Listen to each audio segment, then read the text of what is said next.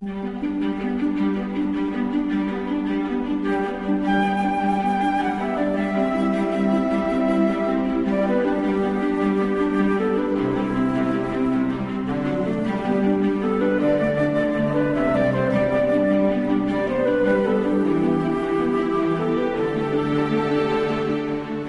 Arribats a aquesta hora del matí, a aquesta hora del diumenge, que ja sabeu que per nosaltres és entre intempestiva i plàcida, per alguns és plàcida perquè tot just esteu obrint un ull i penseu, mira, encara tenim tot el diumenge per davant, i plàcida per d'altres perquè potser heu allargat, eh, en alguns casos excessivament, o en els casos insuficientment, la nit eh, des del punt de vista de l'oci o fins i tot laboral. Ara mateix és aquell moment que eh, nosaltres ens dediquem a endur-nos la gent del Via Lliure cap a, a un raconet que ens encanta, que és el carrer Empedrat d'una ciutat que no hem volgut eh, revelar mai, al final del qual hi ha un edifici sense gaires pretensions arquitectòniques i que amaguen al seu interior una pila de secrets i de meravelles. És el Basar de les Sorpreses i, com sempre, preparat, encara que faci sol o plogui, faci fred o no, hi ha l'Albert Beorlegui, eh, impecable, com sempre. Hola, Albert, bon dia. Bon dia, Xavi, com estàs? Perfecte, com perfecte, impecable, sí? també. Impecable, Molt bé, també. que sí. Bé, eh, no, home, la setmana passada érem a, a Valls, que és un lloc també fantàstic, Sí, i vam poder fer el programa des del, des del Museu Casteller. Avui ens hem quedat a la ràdio, si ens ho permeten, Mhm. eh, que també és un escenari important. Eh, Que vaig escoltar que el tema dels calçots a tu molt bé, no? Sí, home, a mi m'agrada molt el calçot, Sí. però jo, jo dic que sóc de metxa curta en aquest sentit. O sigui, a mi... Uh, jo, Que no calcules, no, a mi no passa calculo. igual, eh? Comences amb el calçot i la salsa i tot això, llavors et venen amb les botifarres i dius, però escolti'm, uh, jo Escolta. no sé què, què he de fer jo amb això, jo ara, ara no m'hi cap això ja. Però bueno, hi ha gent que es gradua molt millor, diguem-ne, que és com un aperitiu gairebé per ells el calçot, i jo no, a mi em sembla que els, és el centre de la festa, s'ha de... Clar que sí. En fi, que s'ha de reconèixer com a tal. Bé, eh, escolta, que ja hem arribat a final de febrer, eh? S'ha aca- s'ha acabat Sí, tu. el segon mes i això vol dir que, Ostres, noi. que en aquest sentit el, el clapés ja pot començar a veure... Sí. Encara queda, eh? Però al final del túnel, que és a finals de març, eh? Vull dir que... Però escolta, han passat dos mesos ja, eh? Sí, Però com sí, pot ser sí, que hagin sí. passat dos mesos? Però si era ahir, ahir que van fer les campanades, eh? Demà- Vull dir que ja en portem dos, eh? Una sisena part d'aquest d'aquest eh, 2024, Sí, sí. eh? La És setmana que... ve ja és estiu i després ja és Nadal. Déu. Ostres, tu. No, no, de veritat, Bé, eh? eh, anem a llegir cartes, què et sembla? Va, sí, anem a llegir cartes. Mira, les dues són del novembre. Eh, Una primera ens arriba des de Barcelona, l'altra des de Palamós. La primera és un sobre convencional, Eh, ens la remet eh, una oient anomenada Glòria Puig. I obrim aquí el sobre i de dins extraiem una carta... Bé, de fet, és un, és un full eh, format cartilla, eh, amb, una, amb cal·ligrafia manuscrita, i diu el següent. Barcelona, 18 de novembre del 2023. Bon dia. Em decideixo escriure-us perquè ja és hora que faci alguna cosa per impedir una altra desgràcia. Ai. Sí, per mi en seria una més que no pogués escoltar cap més meravella del seu basar. Així doncs, he de col·laborar a fer callar el pluricó. Recorda que mm, va ser més o menys els dies en què vam activar eh, Sí, sí, amb aquell novembre. inquietant so nuclear el, eh, el pluricocat, o el Beorlegui, el, com es diu, el Plorategui, El Plorategui, i per tant sí, va sí. ser una allau per entendre'ns de cartes que vam rebre, eh? Diu, al meu voltant, les coses que funcionen se m'espatllen i el que és nou no val res. Les meves botigues eh, tanquen al meu barri de la Sagrada Família, tot serà cosa d'ungles, de barbers, de Ai, sí. restaurants, de souvenirs... Hòstia, Abans teníem de tot, era el que precisament fa això de barri. M'esforçaré tant com pugui escriure alguna idea més interessant, més maqueta, i, si us plau, que el basar no tanqui. Fins ben aviat, la Glòria Puig des de Barcelona. Mira, em reconec Doncs molt en aquesta- aquest neguit, eh? En, Eh que aquest, sí? en aquest neguit que és el del tancament de les coses que són casa, d'alguna manera, no? I això ens passa que- a qualsevol barri, a qualsevol Sí, sí. Eh, municipi, eh, i, i et passa permanentment, i la sensació és que en acceleració, no? O sigui, tots els llocs eh, desapareixen i apareixen qüestions que ens costa d'entendre a vegades, no? Estan despersonalitzant les ciutats, eh? Són, qualsevol ciutat és ja... Qualsevol gran capital eh, és exactament igual aquí que la de París, que Londres, Sí, sí, sí. que Itàlia, o sigui que és trist això, eh? Va, mira, i la segona carta que ens arriba és una carta, diguem-ne, més gran, eh, amb un sobre de color blau, eh, amb una impecable cal·ligrafia, però no és el nostre estimat Enric Virgili. Ens la signa des de Palamós una oient anomenada Lourdes Frank Seguer, i de dins extraiem, doncs mira, un parell de cartolines, també d'un color blavós, però, eh, ostres, molt gruixudes, eh? I d'una una cal·ligrafia que, ostres, Xavi, mira, goita, goita, mira oh, quina lletra meravella, més maca. quina meravella. Però és extraordinari, eh? Però com pot ser que la gent, la gent tingui lletres tan fent ràbia, xules t'està fent ràbia i nosaltres, les lletres tan horroroses, de veritat, eh? Perquè practiquen. Beorlegui, practiquen. Ostres. Escolta, jo practico cada dia, eh? Ah, jo bueno. cada dia escric al diari, eh, Xavi? Mhm. I uh, uh, poder fa 30 anys, 30 anys escrivia una mica més bé que no pas ara, però és que la meva lletra s'ha fet eh, absolutament inintel·ligible ja. O sigui, ni jo me l'entenc ja. Ai, En fi, va. Dilluns, 13 de novembre del 2023. Benvolguts, Xavi Albert. Em dic Lourdes i us escric des de Palamós. Fa uns quants anys que vaig descobrir el vostre programa i des d'aleshores que us segueixo cada diumenge. Si algun dia no puc, acostumo a escoltar el vostre podcast. La temporada passada em van venir ganes d'escriure-us, però va arribar l'estiu i el més calent va quedar a l'aigüera. Aquest cap de setmana, després de sentir l'Albert fent el pluricó, m'he dit, no pots deixar-ho passar més temps. Així doncs, he fet un forat al trasllat de casa que estem duent a terme i he posat fil l'agulla. Primer de tot, us vull felicitar pel vostre programa i per les bones estones que ens feu passar. Tinc per costum llevar-me d'hora al matí. A vols de les 5 o quarts de 6 ja he posat els peus a terra. Això cada dia de la setmana. Pateixo una malaltia mental que m'impedeix treballar. Els diumenges, però, espero un delit que siguin dos quarts de vuit per escoltar-vos. Trobo excel·lent la tranyina cultural que teixiu amb dosis d'història, mitologia, art, cinema. La sensibilitat i delicadesa amb què ho tracteu em fa sentir a gust. A més, acompanyar-me durant mitja hora, aprenc amb vosaltres i això és d'agrair. M'emociono quan llegiu les cartes. Amb la lectura que em fa l'Albert és fàcil que sigui així. Des de joveneta vaig començar a escriure cartes sobretot a les meves amigues i amics. La meva millor amiga vivia a 3 quilòmetres de casa. Malgrat això, no ens veiem gaire sovint i ens comunicàvem a través de cartes. M'agradava, a més d'escriure, decorar el full amb sanefes i dibuixos. Guardo en una caixa de fusta totes les cartes rebudes. Les he anat classificant i de moment estan ben conservades. De tant en tant les reviso i retorno per uns instants al passat. També he escrit diaris personals. Vaig començar aquesta pràctica d'adolescent i tinc caixes plenes de llibretes. Ho conservo tot com un petit tresor. Per Nadal tenia per costum escriure postals a la família i les amistats. Començava uns mesos abans i les realitzava manualment. N'havia arribat a enviar cap a 50. A l'actualitat quasi he abandonat l'escriptura de cartes i postals nadalenques. Ara ho he substituït pels missatges de mòbil. El meu marit m'ha introduït en el món de les noves tecnologies i m'ha animat a utilitzar-les, tot i respectar aquest món que, per mi, és nou. Soc de les persones que encara valora molt rebre una carta o postal escrita a mà. Per això agraeixo al vostre programa que ho potenciï. Per acabar, voldria d'expressar alguns desitjos. Desitjo que els oients s'animin a escriure cartes, que és una pràctica preciosa. Desitjo que cada vegada més persones descobreixin el basar i puguin compartir experiències a través de les cartes. Desitjo que el basar de les sorpreses ens continuï acompanyant cada diumenge. Rebeu una afectuosa abraçada per tots dos i per tot l'equip que fa possible el programa. Doncs mira, la Lourdes Frank des de Palamós. Que bé, quina bona carta, també. quina carta més la maca, Lourdes, eh, també. Des de, des de Palamós. Moltíssimes gràcies tant la Lourdes com la Glòria, com la resta dels oients que seguiu escrivint eh, i que ho feu durant molt de temps al, al Basar de les Sorpreses amb la- amb l'adreça sempre immutable que és el Via Lliure, el Basar de les Sorpreses, Avinguda Diagonal 477, planta número 15, codi postal 08036 a Barcelona i amb el compromís de sempre que l'Albert les llegirà totes en antena i les respondrà una per una. Bé, un cop llegides les cartes, ara toca anar cap al Beorlegui Express. Avui espero que no sigui un d'aquells que no... Bueno, en fi, que... no, està allà. Què? És que ja fa molt de temps que ja Què? no. Jo crec que deu fer anys, fins i tot, que no m'has eh, donat cap sorpresa No, és negativa. que cada Sí, setmana sí. ho dius, és que cada Sí, setmana ho és dius. veritat, I em és sembla que l'última vegada Sí, sí, va sí. ser poder fa dos anys o tres. És que... Sí, sí, és veritat, s'ha quedat allà com una cosa... A veure. Espera, no, Eh, que ara ve l'altra numereta. la banda... Ara, o sigui, ja primer la bandereta. i ara ve l'altra Ja numereta. banda- és Ah, sí, és que no la veia, estava a l'altra banda. Bandereta. Home, aquesta és fàcil, Beurlegui. És que, de, veritat, Clar que no sí, em poses a prova de res. No em poses a prova de res. Barres i estrelles. Què vol dir això? Pues Estats Units... No, no, buscar... no, no, és que t'ho dic en sèrio, eh? Algun dia buscaré una notícia d'allò més rebuscada d'algun país d'aquests, diguem-ne, que ningú coneix, eh? I a veure si l'endevines. Va, a veure si ets valent. Va. Ai, senyor. Bueno, eh, anem a Estats Units, no? Sí, sí, mira, avui eh, tornem a fer les Amèriques, avui ens anem a Texas, al Centre Espacial Lyndon B. Johnson, Epa. que és la instal·lació de la NASA per les activitats tripulades a l'espai. Encara que resulti difícil de creure, eh, allí hi ha hagut fa poques setmanes un enrenou a causa d'un tomàquet. Ja comencem. Un tomàquet cultivat en un hort a l'espai que s'havia perdut i del que havien acusat de la seva desaparició a un dels seus tripulants. Sí, tot plegat i admeto que és com bastant surrealista. Home. Uh, ara t'ho explicaré. Va, posa't l'acreditació que hem demanat. Ah, tens credita... que oh, acreditació. Hosti, Home, sí. Escolta, eh, bravo. Eh, eh, eh, que diu nas aquí. Clar que sí. Mr. Bundo. Oh, que fort. Sí, a, a mi no, no m'ha sortit bé el nom, però és que ningú Bueno, me és bé, el Biorlegui, he sentit de tot, eh? Biortolegui, Virtalei, va de tot. Va, Anem-hi, doncs. anem cap allà, va.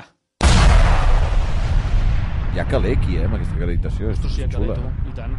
No, està, està parlant de la NASA, eh? SEC FCL, I'm standing by for uh, step 944 next. Copy that. We have it in work. FCO NTD on 212. Com check. És brutal, això, eh?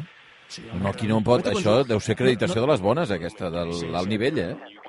És que aquí lo difícil no és l'acreditació, aconseguir-la, eh? Aquí lo difícil és no resistir-te a la temptació de tocar algun dels botonets aquests d'aquestes taules. no toquis res. Vist aquests botonets que No, no toquis res. Aquest vermell, que sembles serà aquest nen. vermell? A veure. Però no toques el vermell. Per favor, please, please. Ai, sí, sí, no ja anem. Per favor. Només estan molt enfeinats aquesta Home, gent, si estan eh? fent feina, tu. Té, mira, passa per aquí, no em molestem. No, no, no, no Mira, toquis, no eh, toquis. hem vingut aquí, hem vingut aquí perquè fa uns quants Està mirant raro aquell desvelar- tio, eh, de veritat. Eh? No m'estranya, dos paios aquí mirant-li. Ensenya, ensenya l'acreditació, ensenya-la, ensenya-la. No, sí, ensenya-la, here, uh, ensenya-la. accreditation. Uh, we are allowed to, to be here. Ok, vale. Vinga. Ui, em sembla que no s'ho acaba de creure, eh? Que ara Tu, tocava un escolta, està, de cri- està seguretat. cridant a seguretat? No, no, no, no, Aquell- res, res. No? Va, anem, Aquell walkie-talkie que Tira, no és tira, per tira. nosaltres, No, tira, tira, tira, que encara... Bueno, què fem aquí? És que no sé Bueno, què va, mira, fent. estem aquí perquè, eh, com deia fa uns quants dies, es va desvelar un petit misteri que, que havia provocat molts maldecaps. Tot comença amb un experiment de cultiu que s'ha dut a terme a l'Estació Espacial Internacional, on s'ha pogut conrear un petit hort de diversos vegetals i en condicions certament, diguem especials, per dit. veure no només la seva viabilitat, què dius, perdona, què? Mai millor dit, especials en tots Això els mateix. aspectes, sí. Correcte, eh?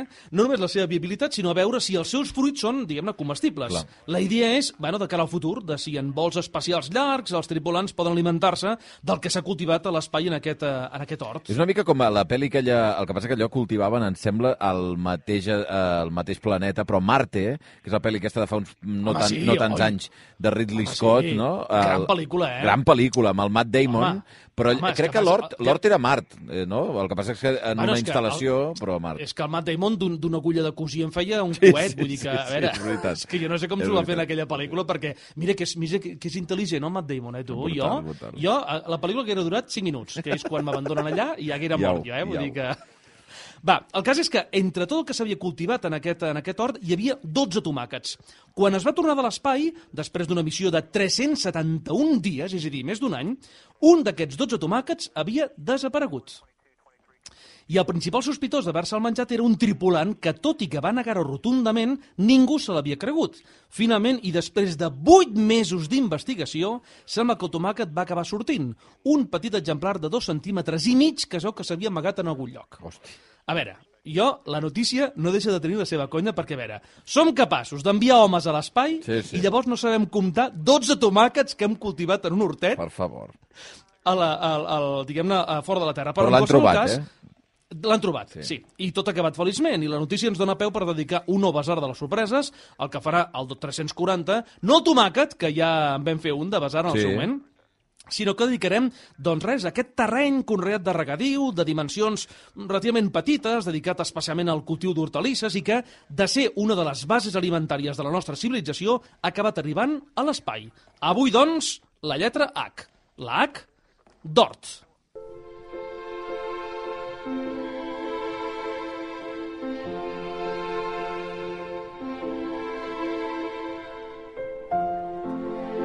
Mira, quan m'has dit hort, eh, saps què és el primer que he pensat? És aquella imatge Què? Que està en retrocés clarament i que pràcticament ja no existeix, que, mm, que abans hi havia tots aquells petits horts que estaven envoltant les, les ciutats, també a I Catalunya, tant. no? I Eh, tant, aquesta i frase, tant. també és aquesta frase molt eh, ja de meme, que és la de tot això abans eren camps, efectivament, no? Però, però era així, és que textualment al voltant de les ciutats, digue-li Barcelona, o digue-li Sabadell, o Terrassa, o el que sigui, tot Sí. eren horts al seu voltant, no? Fins i tot a l'interior Sí. de les pròpies ciutats hi havia zones on, on s'hi cultivava, no? I a mida que aquestes ciutats necessiten més espai, més espai, més espai, van canibalitzant tots aquests, eh, tots aquests horts, no? I desapareixen. Sí, sí, és un món que desapareix, eh? de manera molt progressiva, gairebé in, uh, imperceptible, però que llavors quan hi penses dius, ostres, veritat, però sí que hi havia horts aquí, aquí hi Clar, no estem i parlant aquí de camps de no? conreu, que és molt diferent, No, eh? res, no, no, no, no. estem parlant d'hortets. Sí, Els sí, hortets, sí, sí, sí, sí. sí. Uh, de fet, hem comentat altres vegades que qualsevol element de la natura té la seva simbologia i fins i tot, diguem, aquells elements que ens poden semblar com molt quotidians, gairebé vulgars, uh, com podrien ser els horts, doncs bé, doncs que uh, també tenen el de seu darrere la seva història, no? La paraula uh, hort prové de llatí hortus, que vol dir jardí, D'aquí que en el món antic siguin dues paraules gairebé sinònimes, però que ens remeten a dos conceptes gairebé diferents. L'hort és una cosa pràctica, que ens dona de menjar, eh, que és terrenal, mentre que el jardí, no ens enganyem, és una cosa més elevada, gairebé espiritual. Eh? Però al mateix temps hi ha una idea comuna, que és que els dos llocs són una perfecta metàfora de la natura controlada. Mm. És a dir, de com s'hauria de regir la humanitat, segons, eh, diguem-ne, el pensament antic, no? La raó, l'ordre per damunt de l'instint del que representa la natura salvatge i sense control. D'aquí deien que, per I- exemple, quan tu diferenciaves un jardí, per exemple, la, la màxima eh, demostració de poder era algú que tenia gespa, perquè la gespa Ah, és un cultiu que no serveix absolutament per res. És un espai Mhm. perdut, entre cometes, no? I tu decideixes que hi tens una cosa bonica que no serveix per res més, no? Eh, Sí, I, i sí. per tant, tens el luxe de tenir un espai que podries conrear per crear economia, diguem-ne, però decideixes que no, que el tens per fer bonic, no? I aquesta és com la demostració més. Però eh, compro molt aquesta idea que hi ha la cosa profana, que és l'hort, i la cosa poètica, que és el jardí, no? Sí. Dos, dos cares de la mateixa moneda. I com a concepte tan antic, doncs, home, eh, es remunta, bueno, clar, evidentment, la tradició cristiana, que és la nostra, doncs aquesta idea ve representada per un concepte medieval, que és el de hortus conclusus, és a dir, el del jardí tancat. I ja que parlem de tradició cristiana, dos horts ben famosos.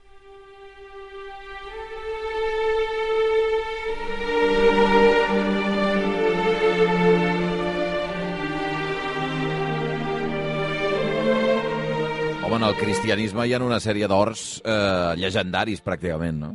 Uh -huh. Mira, primer de tots, l'hem mencionat aquí en diverses ocasions, eh? el jardí de l'Eden, l'escenari, evidentment, del crim del primer pecat original, eh? que en el fons és un hort, perquè segons el Gènesi, allí on vivien Adam i Eva, era un lloc situat a l'Orient, del que només sabem que estava ple d'arbres agradables de mirar i bons per menjar, i on hi havia dos especials, l'arbre de la vida i l'arbre del coneixement del bé i del mal.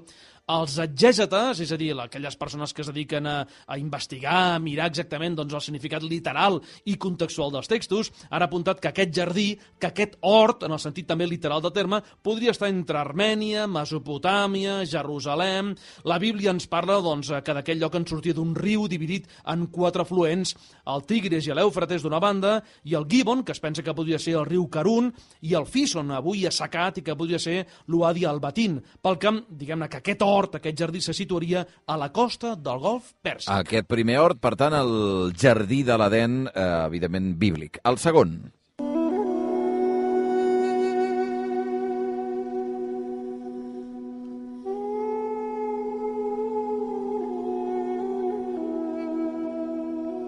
Jo crec que hi ha un segon hort que li ve tothom al cap eh, si parlem de la Bíblia i de la tradició cristiana. Correcte. No? Uh -huh.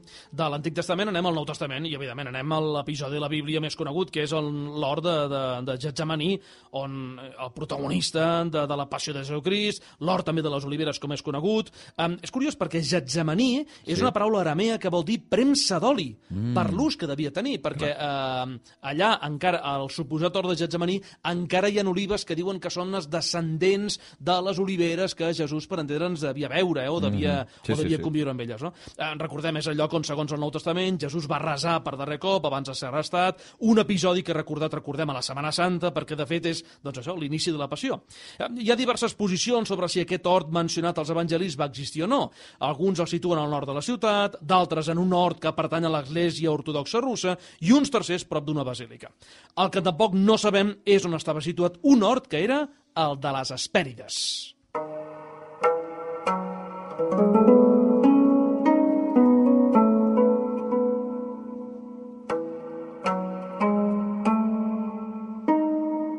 Aquest amb càrrega profundament mitològica, aquest jardí, aquest Sí. hort de les Hespèrides.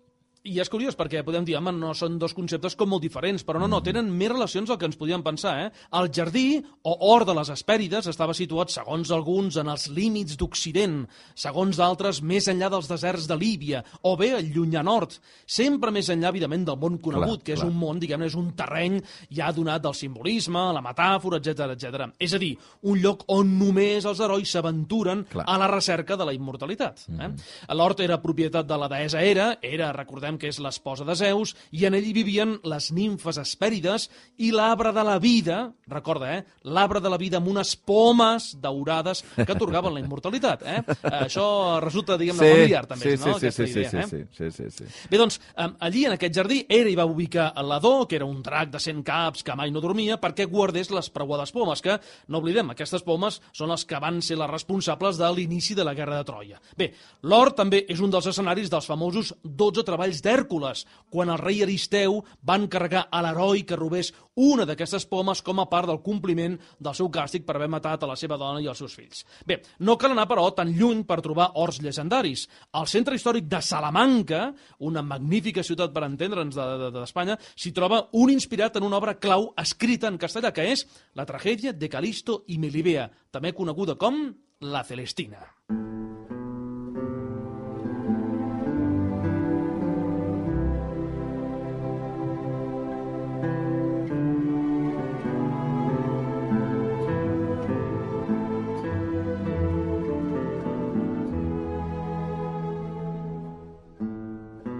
No és, no és el primer cop que al Basar hi apareix la Celestina, eh? No, vols dir? És que, ostres, és que no em sona. Poder sí, No eh? Segurament que sí, eh? Home, amb diria que 340 sí, besars, eh? alguna Home, vegada... algun moment o altre, sent, Eh? sent una de les grans obres de la història de la literatura castellana, vaja. Sí, sí. A veure, recordem, no sé si tu vas ser un dels damnificats per haver llegit la Celestina Sí.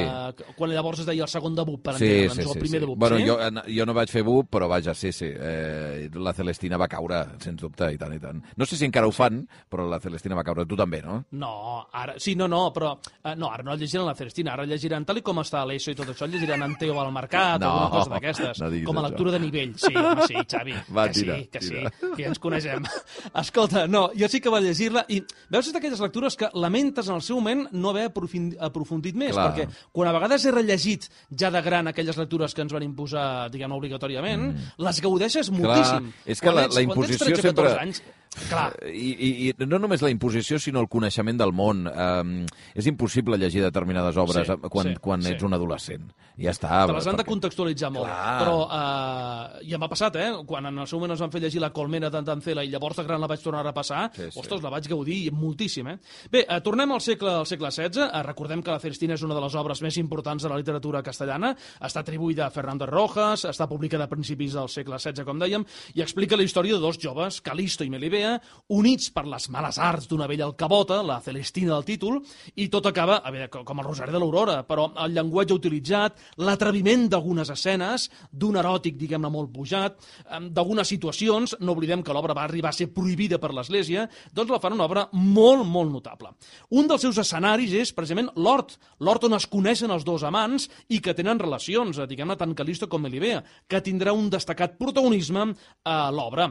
I és curiós perquè a Salamanca hi ha un hort, diguem-ne, és un hort d'aquells, perdó, un hort no, és un jardí, hort, diguem-ne, d'aquells romàntics eh, muntats fa relativament poques dècades, però que fa passa per ser, doncs, a l'hort de, de Calisto Oh, i clar, Melibea. Clar.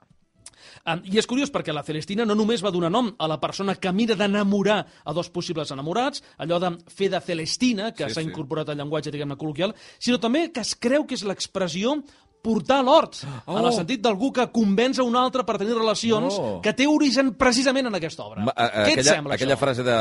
Tu, tu què te l'estàs emportant a l'hort?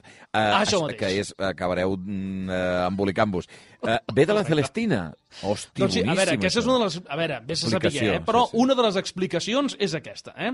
Va, ja que estem en expressions, una altra també relacionada amb el tema. L'alegria de la huerta. Home.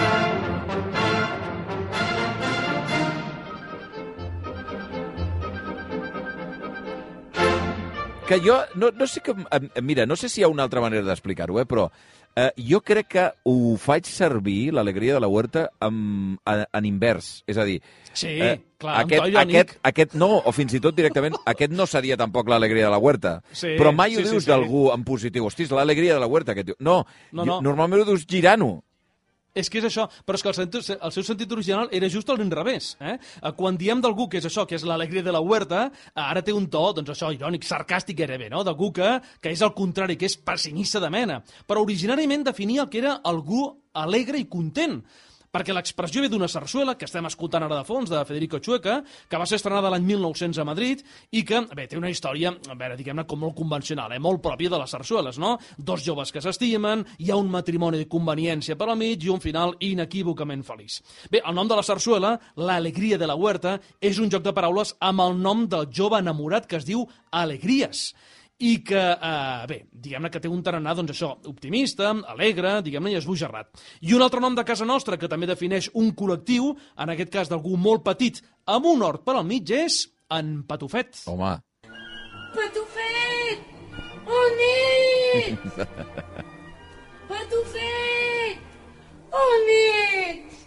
En Patufet, que estava assegut dintre de la panxa del bou, i la va sentir, va començar a cridar. Patufet!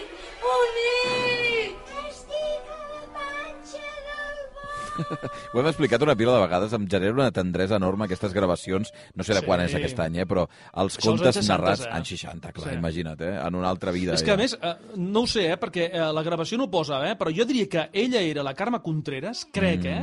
I ell devia ser poder el Salvador Escamilla, però tampoc no estic massa convençut, Mare eh? meva, mare perquè els timbres em sonaven, eh? Però sí, sí, aquest patrimoni audiovisual, que en el fons és un patrimoni sentimental, eh? Sí, sí, sí, Aquells sí. que hem tenit la, la sort d'escoltar els contes encara no a través de la televisió, ni de veure'ls a través de la televisió, ni de pantalleta, sinó d'escoltar-los amb els sons aquells de la casa Belter, ostres, eh, tenim un patrimoni sentimental molt, molt notable, eh? Sí, sí, sí. I aquesta, doncs, és això, és una, la famosa rondalla Patufet, enregistrada als anys 60. Eh, bé, de fet, l'he trobat amb un empolsegat racó del basar, d'altres gravacions que formen part, diguem-ne, de la nostra història, no? Eh, tornant a Patufet, recordem que a veure, no només va donar nom a una popularíssima revista en català, fundada per Josep Maria Folch i Torres i publicada a la primera meitat del segle passat i que va durar fins a l'acabada de la Guerra Civil, sinó també doncs, aquest personatge petit que va buscar safrà per la mare i mentre torna a casa es posa a ploure, s'amaga sota una col, és a dir, sota un hort, eh, i aquesta és menjada per, per un bou. Mm. El personatge, que és un nen que no es veu del menut que és i que no la rondalla està molt present, doncs eh, sobretot està eh, molt visible a Europa. A la O rondalla sigui, el, el, mateix, hi ha el, diverses el, mateix, versions. el mateix personatge de Patufet, d'un Sí. nen petit, baixet, eh, existeix, eh?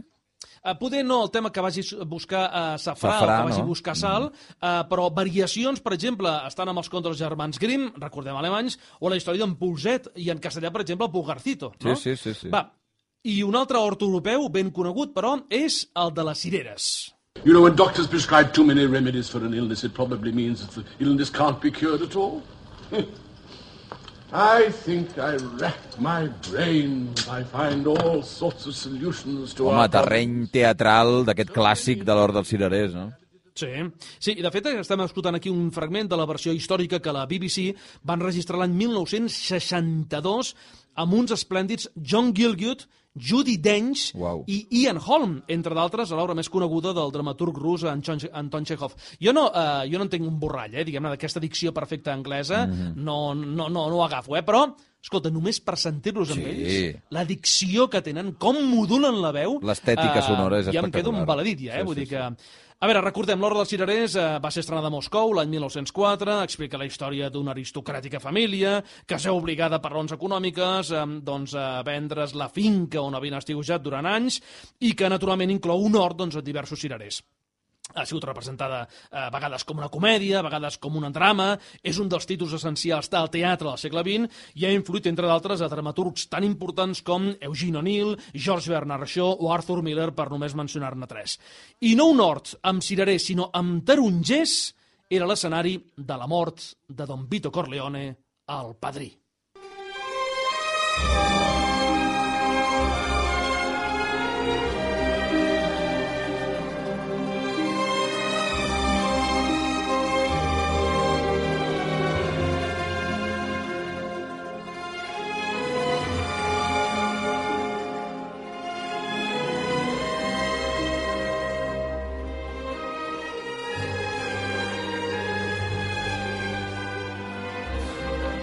Tan impecable, aquesta banda sonora. Eh que sí? Oh. És extraordinària, eh? Nino Rota és un grandiós, grandiós compositor. Ara rivalitza en popularitat amb Ennio Morricone, eh? Mm. Però Rota, les seves obres amb Fellini, aquesta aportació amb Francis Ford Coppola, fan que aquesta música estigui tan associada al padrí Sí, que sí. Eh, és, és impossible que no et vingui ja a Michael Corleone, que no et vingui el Vito, que no vingui Marlon Brando, el Pacino, etc etc. eh? Recordem, rodada l'any 72, film que va canviar de socarrel al cinema de gàngsters, de la màfia, que va ser un dels majors èxits crítics i comercials de Coppola i que recentment, complerts els 50 anys, continua sent una tragèdia grega del tot insuperable. Bé, doncs, em- acabem al final de la primera part, on eh, en un hort és, el, el, és en, on hi ha el Vito Corleone, amb, és a dir, amb Marlon Brando, amb el, amb el seu net, amb el fill d'en sí, Michael, ai, sí, ai, juguen amb unes taronges Ai, sí. i a Vito Corleone li agafa un atac de cor i, i s'hi queden. Eh? Um, és una escena extraordinària que tanca, que rubrica aquesta magnífica primera pàrtica per qui la vulgui um, repassar, la pot trobar a Amazon i Apple TV, entre d'altres. Hi ha aquest aire, al final, també com passa amb el padrí, no? eh, que els mediterranis tenim una proximitat molt gran amb els horts, no sé si passa amb d'altres perifèries del món, no?